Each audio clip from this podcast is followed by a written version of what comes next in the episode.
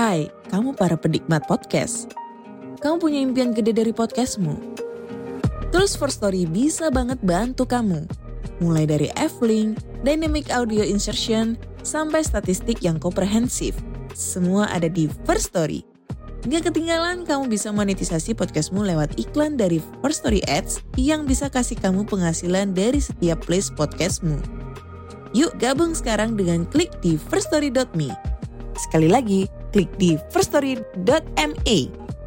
Mari kita bawa mimpi podcastingmu menjadi kenyataan.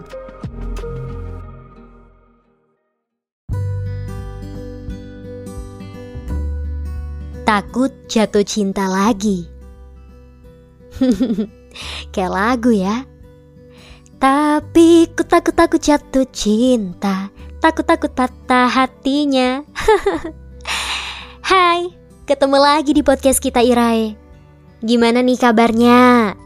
Semoga sehat-sehat ya. Tetap baik-baik aja meskipun sering pura-pura terlihat baiknya. di podcast kali ini, aku mau bahas tentang takut jatuh cinta lagi. Takut menjalin hubungan lagi sama orang baru. Gak sedikit loh dari kita yang terjebak dalam perasaan ini. Takut menjalin hubungan lagi sama orang baru disebabkan luka yang ditinggalkan oleh orang lama di masa lalu. Luka yang masih terbuka dan belum sempat diobati.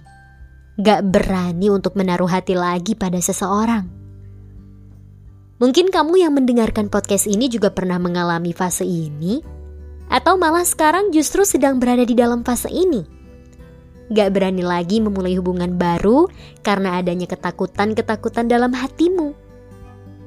Takut kecewa, takut gak bisa memenuhi ekspektasi pasangan, takut ditinggalkan lagi, takut sakit lagi, takut terulang lagi kejadian yang sama seperti masa lalumu. Luka yang disebabkan oleh orang lama emang biasanya membekas sedalam itu sih. Apalagi kalau sebelumnya kamu benar-benar sayang banget sama dia. Banyak yang kamu korbankan ketika dulu masih sama dia. Kamu yang dulu sering bareng teman, tapi ketika menjalin hubungan sama dia, kamu jadi jarang main bareng teman-teman dekatmu lagi. Kamu yang sering menemui dia, meskipun adanya jarak yang terbentang. Kamu yang sering kasih dia hadiah. Tapi akhirnya, seperti kebanyakan kisah cinta orang-orang yang manis di awal namun pahit di akhir. Kamu pun putus darinya. Ya, putusnya mungkin ada beberapa alasan yang berbeda antara kamu dan orang-orang yang lain. Ada yang karena dia selingkuh lah, ada yang karena dia balikan lagi sama mantannya lah, belum selesai sama masa lalunya. Ada juga yang ditinggal nikah. Ada juga nih yang karena gak direstui orang tua dan sebab-sebab lainnya. Lalu, setelah hubungan kamu berakhir, dia menemukan pasangan barunya. Gak lama dari berakhirnya hubungan bersamamu, dia menjalin hubungan lagi dengan orang baru. Set dah, secepat itu dia menggantikan posisimu di hatinya dengan orang baru. Dan parahnya lagi nih, dia terlihat baik-baik saja bahkan terlihat lebih bahagia bersama pasangan barunya sekarang dibandingkan bersama kamu dulu. Kamu pun mulai bertanya-tanya, apakah ada yang salah dari diri aku? Kok dia kelihatan baik-baik aja ya? Cepet banget nemu yang baru kok dia kayak kelihatan lebih bahagia sama yang sekarang ya? Gak seperti sama aku dulu. Akhirnya kamu merasa ada yang salah dari dirimu. Udah ditinggalkan dia, kok malah dia yang kelihatan lebih happy? Karena perasaan-perasaan itu akhirnya muncullah lubang dalam hatimu yang membuatmu takut memulai kembali hubungan dengan orang baru.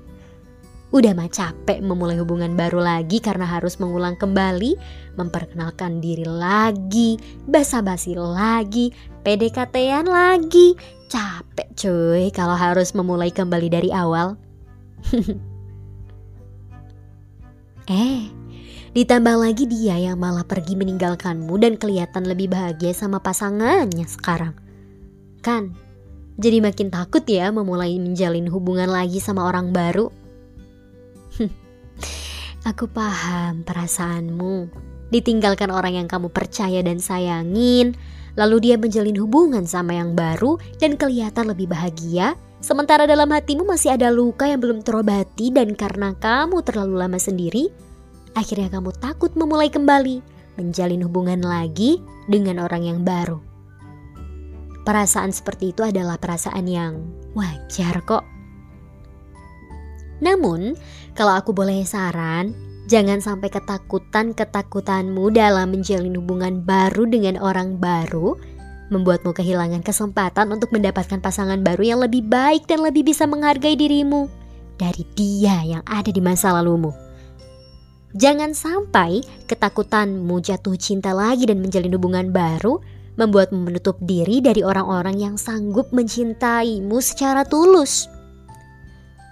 Ketika akhirnya datang seseorang yang mencintaimu secara tulus ke hidupmu, sementara kamu sendiri belum selesai dengan luka masa lalumu, apakah kamu mau menjadi pelaku yang menyakiti hati dia? Sekarang kamu merasa jadi korban karena ditinggalkan dia pergi. Nanti kalau kamu belum selesai-selesai juga nih dengan luka masa lalumu, kamu yang akan menjadi pelaku menyakiti hati orang yang tulus mencintaimu. Dia udah pergi loh dari hidupmu.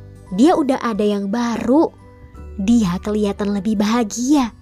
Lalu kenapa kamu harus berlarut-larut dengan luka yang masih menganga belum sempat terobati? Capek tahu mengobati seseorang yang hati dan pikirannya masih berkutat tiada henti dengan masa lalunya? Mungkin dalam hatimu kamu merasa kelak akan datang seseorang yang akan mengobati luka-lukamu dan berhasil menyembuhkan hatimu dari ketakutan-ketakutan yang disebabkan masa lalumu. Aku cuma mau bilang ke kamu, Hei, kenapa kamu harus menunggu seseorang datang untuk mengobati luka-luka hatimu? Kenapa nggak kamu obati sendiri aja luka-lukamu itu? Iya, aku tahu itu nggak mudah. Tapi bukankah kamu tahu sendiri gimana nggak enaknya sakit hati? Hatimu yang sakit karena perlakuan seseorang di masa lalu, kenapa orang baru yang tidak tahu apa-apa soal urusanmu dengan masa lalumu jadi ikut merasakan imbasnya? Bukankah akan jauh lebih sehat jika bertemu dengan seseorang yang sudah sembuh dengan luka-luka masa lalunya? Kamu pun begitu. Dengan ketakutan luka di masa lalumu yang sampai saat ini masih kamu bawa, lalu bertemu dengan seseorang yang sama-sama memiliki luka masa lalu dan belum selesai dengan masa lalunya? Apakah bisa saling mengisi satu sama lain? Apakah bisa saling mengobati satu sama lain?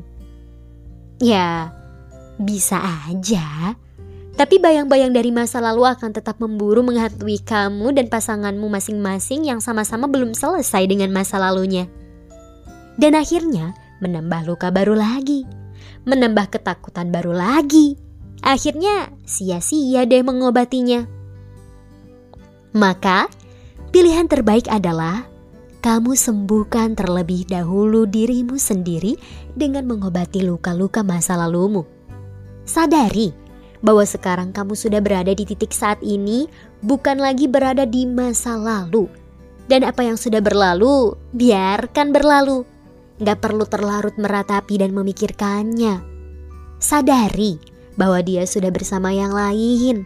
Artinya, masing-masing dari kamu dan dia sudah memiliki kehidupan dan cerita barunya sendiri-sendiri yang gak saling terlibat satu sama lain lagi. Mulai aktifkan logikamu bahwa sayang banget hidup yang mulia ini terkukung, terpaku, dan terjebak semata-mata hanya untuk memikirkan perasaan cinta yang semu sehingga membuatmu menutup diri dari kesempatan baru untuk mendapatkan pasangan terbaik. Karena sering kali, ketika perasaan mulai menguasai diri, tiba-tiba logika jadi oh on. Ada kesempatan-kesempatan baru buatmu. Sayang banget kalau kesempatan untuk mendapatkan pasangan terbaik lewat gitu aja hanya karena dirimu masih larut mikirin dia yang udah pergi ninggalin kamu. Sayang banget kan kalau masih terus-terusan kepikiran dia yang udah sama yang baru. Kenapa sih mesti berlarut meratapi bulan yang pergi saat matahari pagi akan segera terbit? Jadi, sembuhkanlah dulu dirimu. Hujan sudah reda, awan gelap sudah hilang. Keluarlah, lihat pelangi dan matahari yang bersinar penuh cahaya. Pastikan dalam hatimu bahwa masa lalumu sudah selesai. Dan sekarang waktunya menyambut harapan baru. Sampai ketemu di podcast selanjutnya ya. See you!